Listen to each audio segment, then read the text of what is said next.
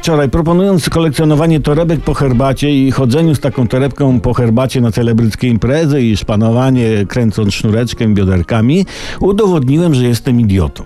Prawda? Dziś udowodnię, że mój przyjaciel tutaj Przemysław Skowron też jest idiotą. Tak. Otóż Przemysław poddał pomysł, żeby zorganizować MSZ, znaczy Międzynarodowy Zlot Sąsiadów. Z zastanówcie się nad tym chwilę, dam wam trochę czasu. Okej, macie to. Wydaje się, słuchajcie, wydaje się, że jest to pomysł idiotyczny, prawda? No i taki jest.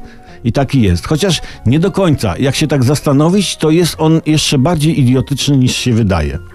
Niby międzynarodowy zlot sąsiadów ma w swoim zamierzeniu być elementem walki z oziębieniem się klimatu międzyludzkiego oraz zdecydowaną i bezkompromisową, acz łagodną walką o ocieplenie e, tego klimatu tudzież. Słowo tudzież jest tu bez sensu, ale jest lekko archaiczne i nadaje wypowiedzi pewną patynę szlachetności.